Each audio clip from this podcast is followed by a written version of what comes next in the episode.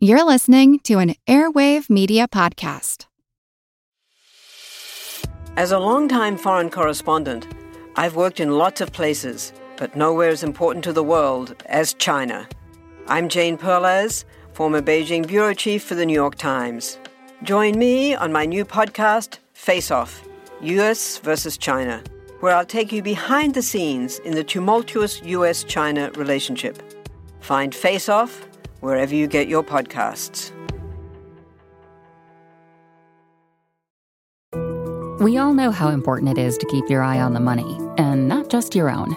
Stay on top of the latest financial and market news with Yahoo Finance, a podcast that releases new episodes almost every day. You'll hear a brief overview of the biggest news in the financial world, all in three minutes or less, right after markets close. Check out Yahoo Finance wherever you get your podcasts. That's Yahoo Finance wherever you get your podcasts. This is Kick Ass News. I'm Ben Mathis.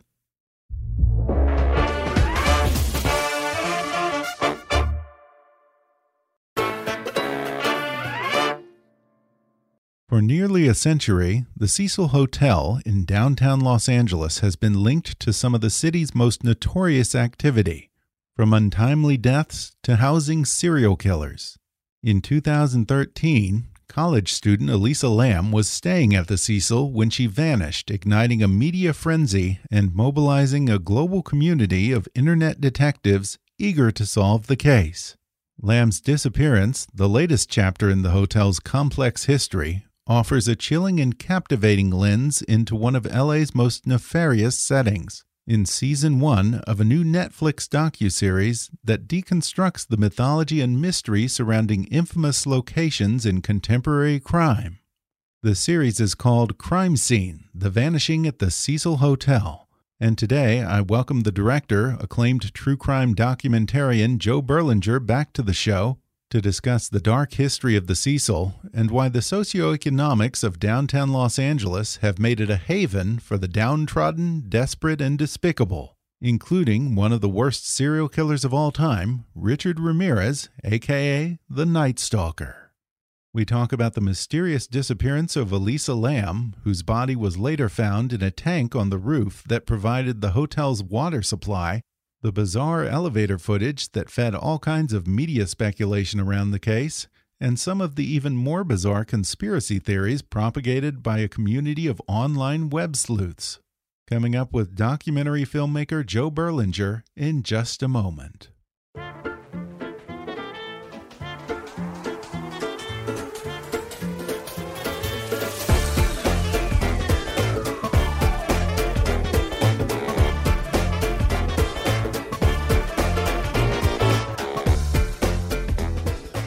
Crime Scene The Vanishing at the Cecil Hotel is the first season in a new documentary series that deconstructs the mythology and mystery surrounding infamous locations in contemporary crime. The idea for Crime Scene sprung from the mind of award winning director Joe Berlinger, whose previous true crime documentaries include Conversations with a Killer, The Ted Bundy Tapes, and Paradise Lost. And today I'm happy to welcome Joe back to the podcast to talk about arguably the spookiest building in Los Angeles and the mysterious disappearance that took place there in 2013. Joe, how you doing? Oh, glad to be back. How are you? I'm doing all right. And like I said, you have been instrumental in the surge of the popularity of true crime documentaries and docu-series for a while now. And I absolutely love this new angle that hones in on the settings of infamous crimes. The yeah. kind of places like the Cecil Hotel, of course, which you feature in the show, or I don't know, Spahn Ranch, the Lizzie Borden house, places that almost take on a life of their own. Uh, how did you come up with this idea? You know, what what is it about a about a place that makes it an accomplice to crime or the perception of crime? Um, I these are ideas that I've thought about but haven't really had a chance to scratch that itch in my other projects because my other projects are much more focused on an individual crime or an unfolding situation.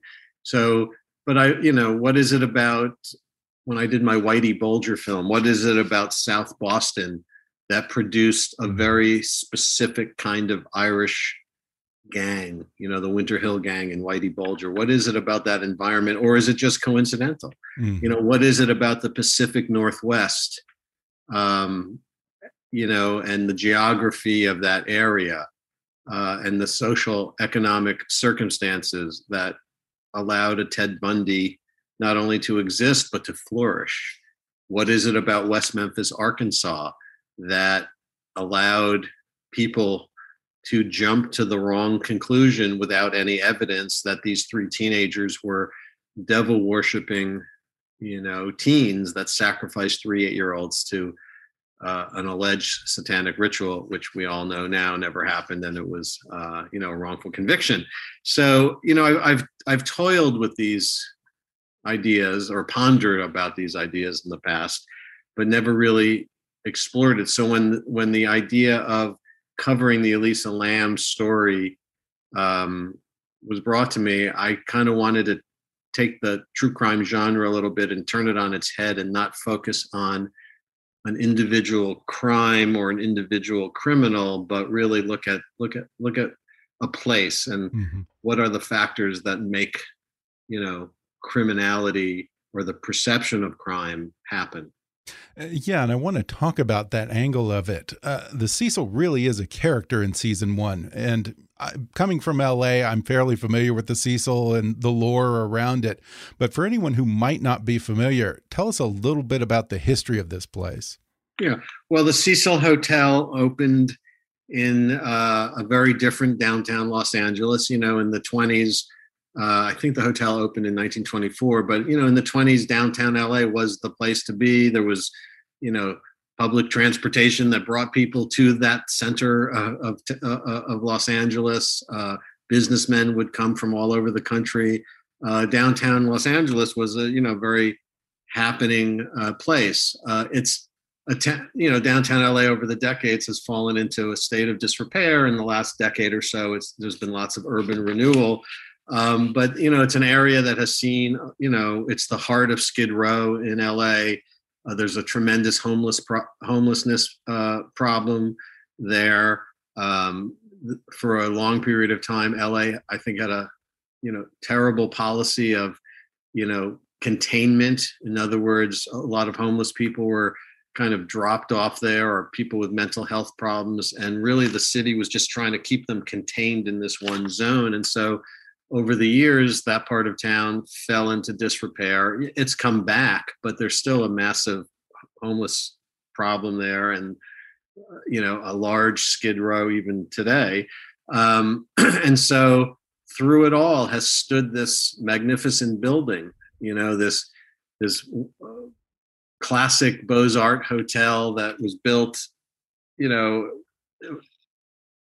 with uh, you know the best materials and was kind of a gleaming you know marvel in the you know early 20s and this hotel has you know itself fallen on you know a state of disrepair. Uh, and strangely enough uh, it's been the scene of more than its share of crime. Uh, mm-hmm. we've had two serial killers working out of uh, the cecil hotel the Night Stalker, Richard Ramirez, and this Austrian serial killer, Jack Unterweger. You know, it wouldn't be unusual for Unterweger to come back, you know, after his kills and covered in blood, removing his clothes, and people just didn't, you know, think anything wow. of it. Yeah, um, yeah, that's just the kind of shit that happens at the Cecil. That was that kind of happened at the Cecil Hotel. Right. Didn't bat an um, eye. You know, and then in subsequent years, uh, in the in the mid 2000s you know the hotel tried to reinvent itself. They created a separate hostel within the hotel called stay on main. So if you were a young budget traveler and you googled you know downtown la hotels you you you'd get see an ad for stay on main with you know bright cheery orange colors. And uh, that that hotel within a hotel was within this you know hotel cecil which had a tremendous history uh, you know, tremendous dark history of all mm-hmm. these strange happenings, you know, and, and there was a shared elevator. So, and by this time, the hotel was also kind of a SRO, which meant, uh, you know, uh, kind of a, a, single room occupancy. Last ditch alternative place for people with no resources and no real funds to stay. Mm-hmm. So people like that were in the hotel alongside young budget travelers thinking they were mm. checking into this wow. place called Stay on Main. Yeah. So Quite including ex-convicts who just got out of prison and probably couldn't pass a, a, background check to get an apartment and that sort of thing, huh? Exactly. So an interesting mix of people. Yeah. And so, of course, when uh, Elisa Lam a 21-year-old tourist from uh, Vancouver, disappeared in 2013, uh, people assumed, it, you know, something, you know, dark and nefarious mm-hmm. happened to her because of this, um, because of the history of the hotel. And the LA PD release because they thought it was a missing persons case for a while. She checked into the hotel, never checked out. Uh, parents became concerned when they stopped hearing from her. Uh, and it was initially a missing persons case, and they just literally had no clues other than this elevator footage, this closed circuit security footage of her on an elevator acting very strangely. Um, and that footage was released by the Los Angeles Police Department in the hopes of getting help from the public. And little did they realize that the combination of the history of the hotel with mm. the hmm. bizarre behavior that was being exhibited uh, by Elisa Lam in the video footage, in the hotel, in the elevator footage, the combination of the two just created this wild storm of uh, speculation and yeah. and and interest and that that video went viral and i remember seeing the video Right. And I want to get to that. Yeah, I want to talk about the Elisa Lam case. But uh, before I do that, I do want to give people a little bit more of the fascinating history of this place and why people make these assumptions about it and why it's so infamous. Uh, indeed, you know, its infamy preceded the central event in your show in 2013 and continues long after that. Uh, some in the documentary even say it's haunted or that it's just an inherently evil place. But if nothing else, there certainly appears to be a stain on this hotel that it just can't shake, huh? Yeah, uh, you know, interestingly though, I think what I wanted to do with this show because I'm not the first person to tell the story of of the Hotel Cecil. Uh, a lot of people want to ascribe spooky ghost story, um, you know, evil presence of evil kind of um, you know phenomenon to this situation but you know one of the reasons i wanted to do the show was to kind of pick all that apart because mm-hmm. i don't think there's anything evil or spooky going on i think there's a lot of strange coincidences and there's a lot of bizarre interesting as as josh dean in the show says synchronicities a lot of strange coincidences from mm-hmm. you know mm-hmm. i don't want to spoil it too much for people who haven't seen sure. it but you know from the there's a Japanese movie that, you know, prior to Elisa Lam's death, you know, is almost a play by play story summation of what actually happens to Elisa, mm-hmm. you know, later. Uh, and so people speculated was this a serial killer playing out the beats of a movie uh, and using that movie as an inspiration? So mm-hmm. there's all sorts of strange coincidences, but you know, to me, it's not supernatural and it's not mm-hmm. a ghost story.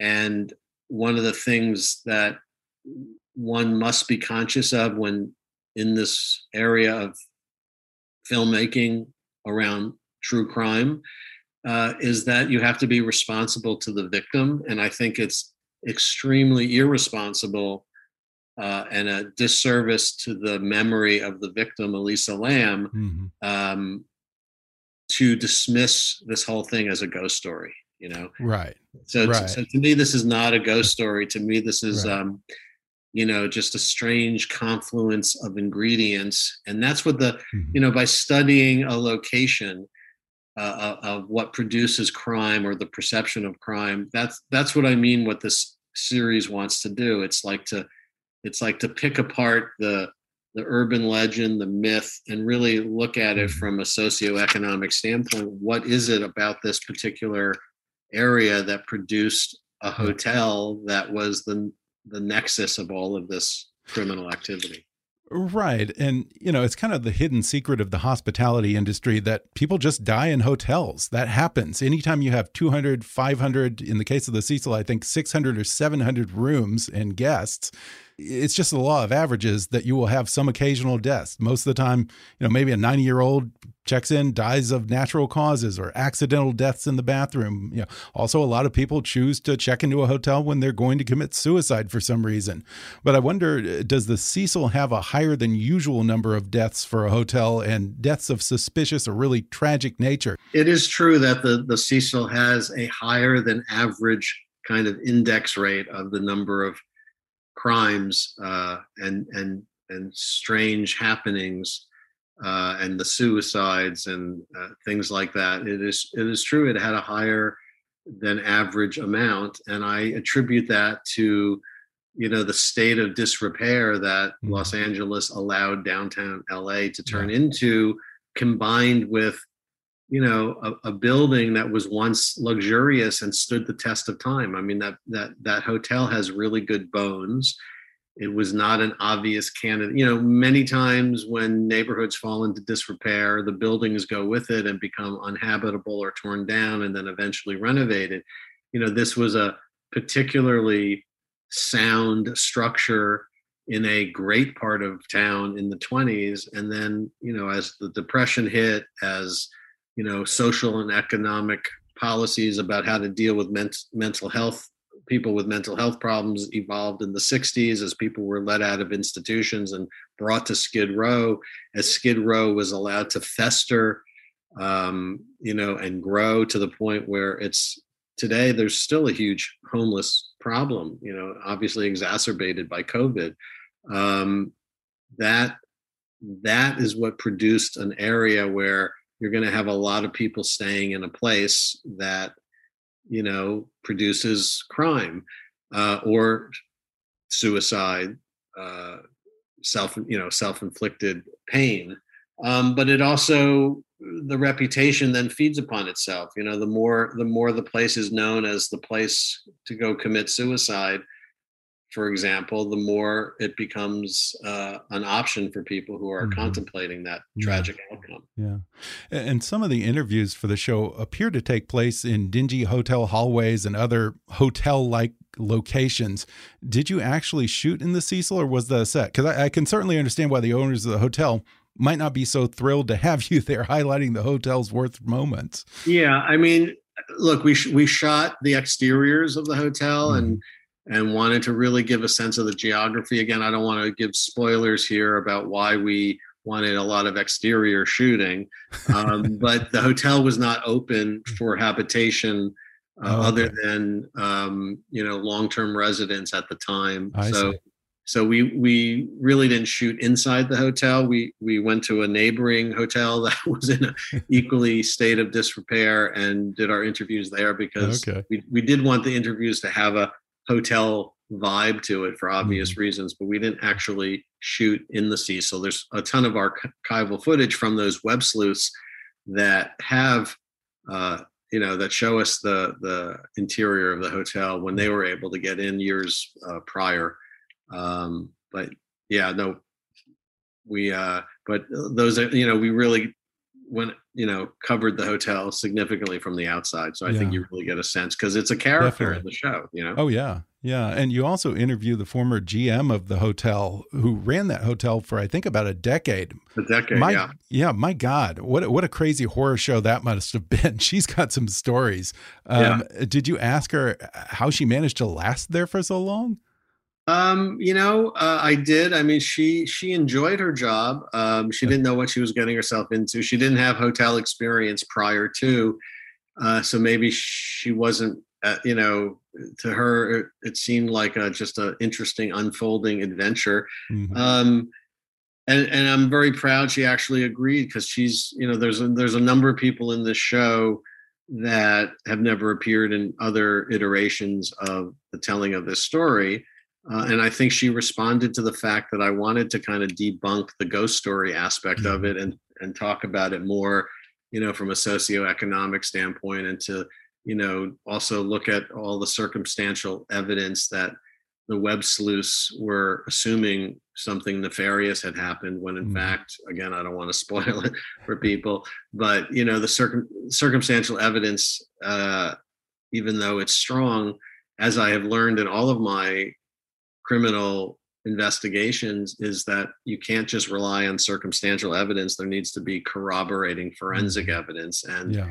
um, you know she was happy that i was taking you know that kind of a more intellectual approach to the story so she she she agreed and it was great to have her you know we have we have uh, one of the lead investigators who hasn't talked to talked to other shows before he agreed because of the idea of how i wanted to you know unpack the story. Uh, of course there's pablo vergara who's the right. death metal musician who was cyber bullied and and people were convinced he was the murderer and he almost committed suicide because of the of, of how mean and destructive people were to him. Um, so i think the show really went out of its way to you know to give a more clear-eyed uh, dissection of what really happened and why than i think has been done mm-hmm. in the past we're going to take a quick break and then we'll return with more when we come back in just a moment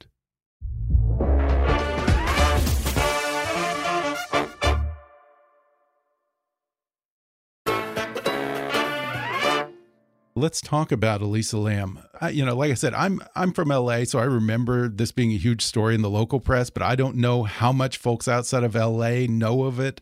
Uh, who was Elisa Lam? What brought her to LA, and how did it first become apparent that she might be missing?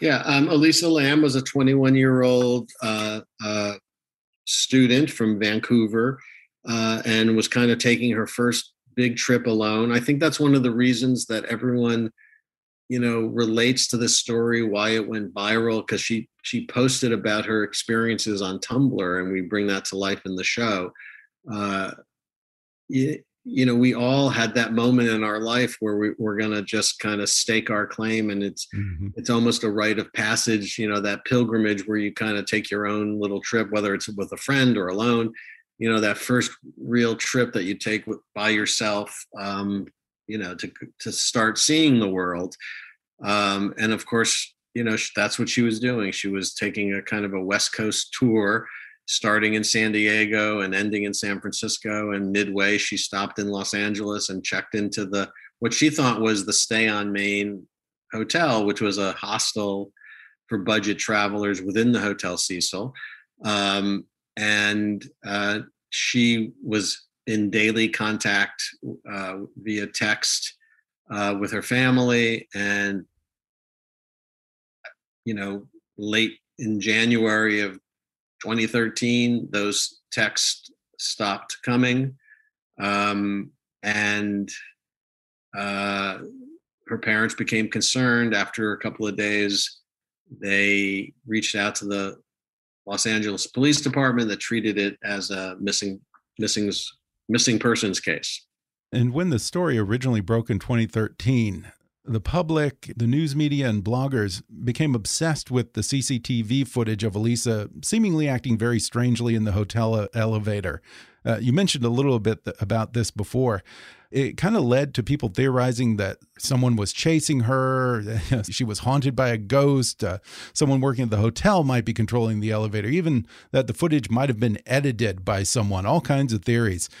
I wonder, in hindsight, did the investigators you spoke with express any regrets about releasing that video? Maybe like it did more harm than good.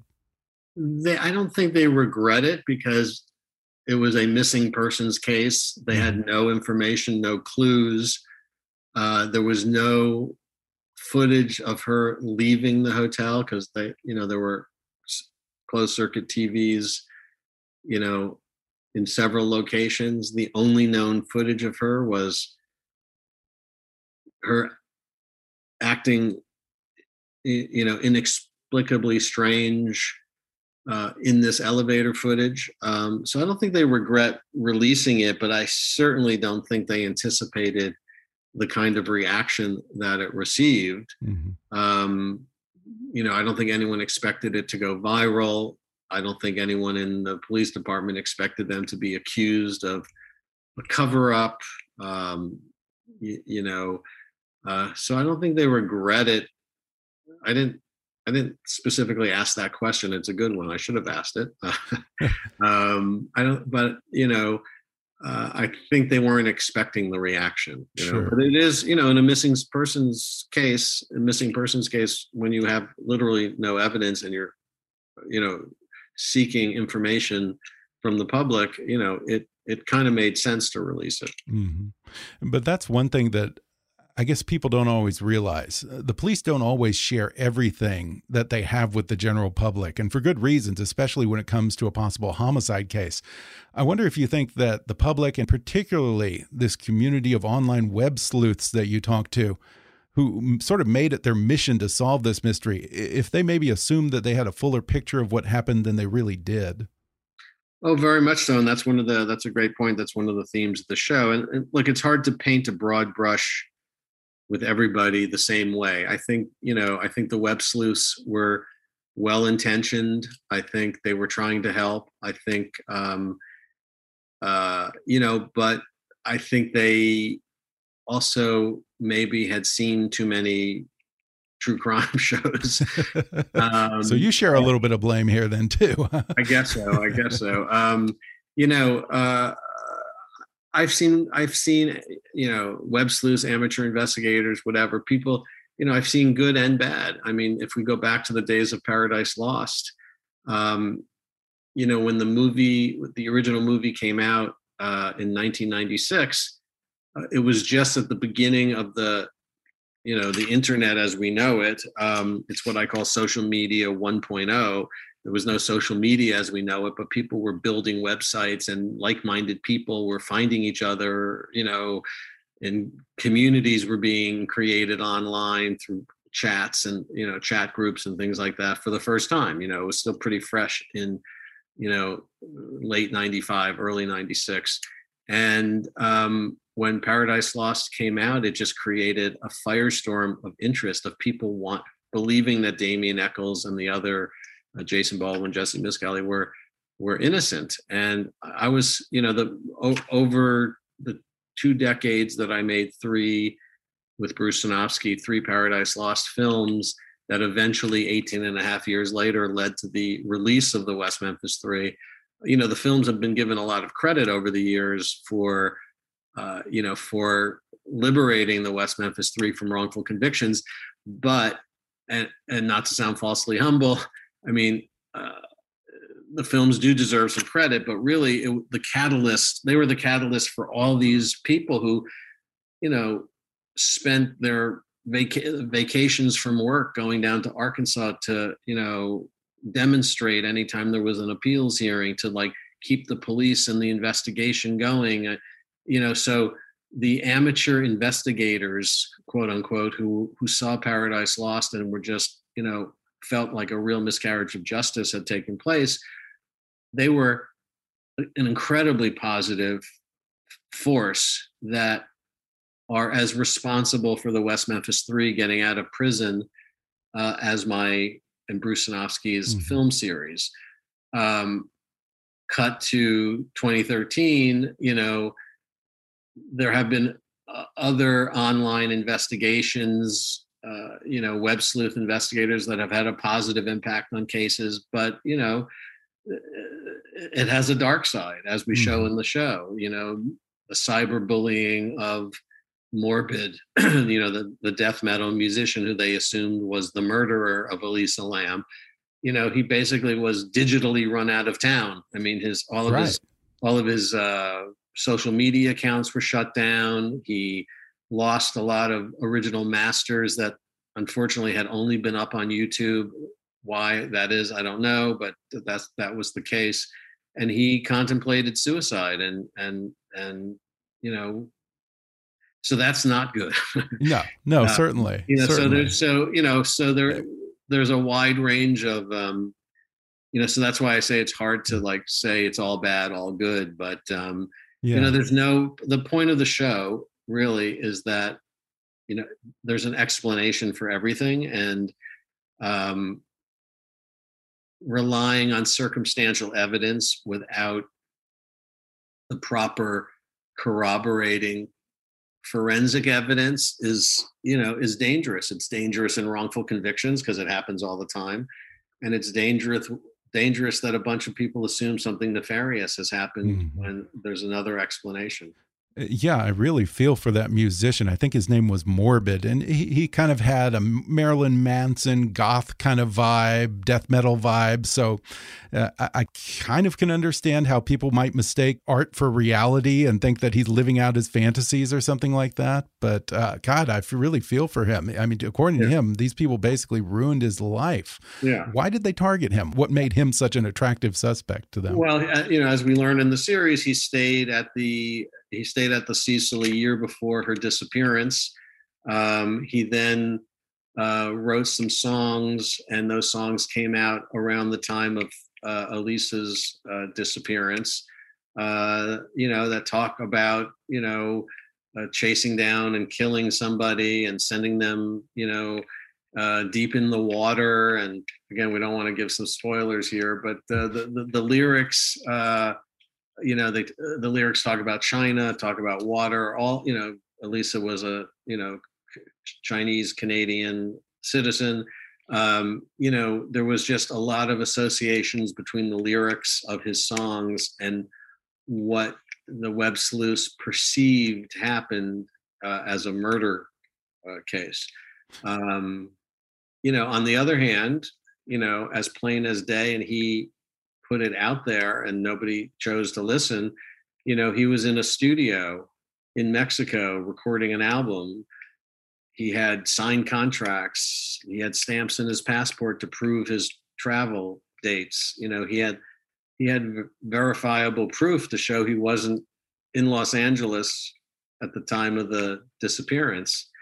And yet that wasn't uh, that wasn't mm-hmm. it he you know listened yeah. to for some reason yeah, in fact, from day one, many of these web sleuths seem to have become convinced that Elisa Lam's death was foul play. And for many of them, just no amount of evidence to the contrary would persuade them otherwise. And it's just a fascinating picture of how they reframe things to fit their preferred narrative.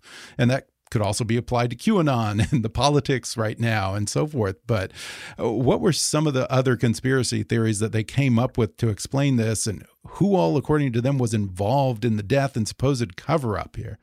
Right. Well, um, because it looked like there was some tampering with the video, uh, like time of the, you know the timestamp had been obliterated there was a little bit of footage missing the footage was slowed down so people assumed that there was some kind of cover up e- either involving hotel employees or for some reason the lapd was covering it up. Uh, there was a mistake uh, of a date that was then crossed out and changed on the uh, uh on the uh, coroner's report. That was looked at as a possible cover up evidence. Um, you know, it ran the gamut. Um, and, you know, you kind of hit the nail on the head uh, while you were talking about its connection today. One of the things, you know, I can't say I did the show for this reason. That would be, you know, too convenient. But I, as a maker of nonfiction over the decades, have been very concerned and very interested in what is the nature of truth. You know, what it, what, uh, and what is an objective truth because all documentary filmmaking for example is inherently subjective nothing is the absolute truth about anything because it's you know we could talk about that forever that's a bit of a tangent right. but the point is the nature of truth is something i've always been concerned with as a maker of nonfiction you know uh, film and television but never could i have dreamed that we would get to the place where we are in society where we're really in a post-truth world where whoever presents the best narrative seems to be, in some people's minds, the purveyor of the truth. Um, you know, it's deeply divided our country. Um, you know, the very definition of democracy is the ability to compromise. I think we are no longer able to compromise because people are entrenched into their very deeply held beliefs, of which half the people are wrong you know i don't want to say who's wrong but you know there seems right. to be no objective truth anymore yeah um, and that's you know it's it's those kind of phenomenon for example that lead to wrongful convictions you know damien echols was you know sentenced to death in arkansas because of he listened to Metallica and read Stephen King books because nothing else was presented at trial. There was no forensic evidence, no blood at the crime scene, and so this show for me is a is again I didn't make it for this reason, but it's become very much a meditation for me on the nature of truth and on the importance of you know having corroborating evidence for anything you're claiming and unfortunately there was just a lot of circumstantial evidence and a lot of strange coincidences, which I admit are strange and entertaining, therefore. Um, but there's no replacement for the for verifiable truth. Yeah. And on a lighter note, you actually talk with a British couple that sort of accidentally booked themselves into the Cecil at the time. And they have sort of this crazy horror show experience at the hotel, and indeed end up being the first people to report that something was wrong with the tap water that eventually leads investigators to discover the body of Elisa Lam in the tanks above. Uh, I can't even imagine what kind of Yelp review they must have left. But I, wonder if, with the explosion of true crime as entertainment, does the Cecil still run away from its reputation, or is the lore around the Cecil starting to become an attraction for some tourists? Oh, I think you know. Look, true true crime has always been entertaining. has you know the history, the criminal history of places has always you know fed upon itself. Um, so I think that's not new, and I don't think even even after my dissection of the truth, um, I don't think uh, you know.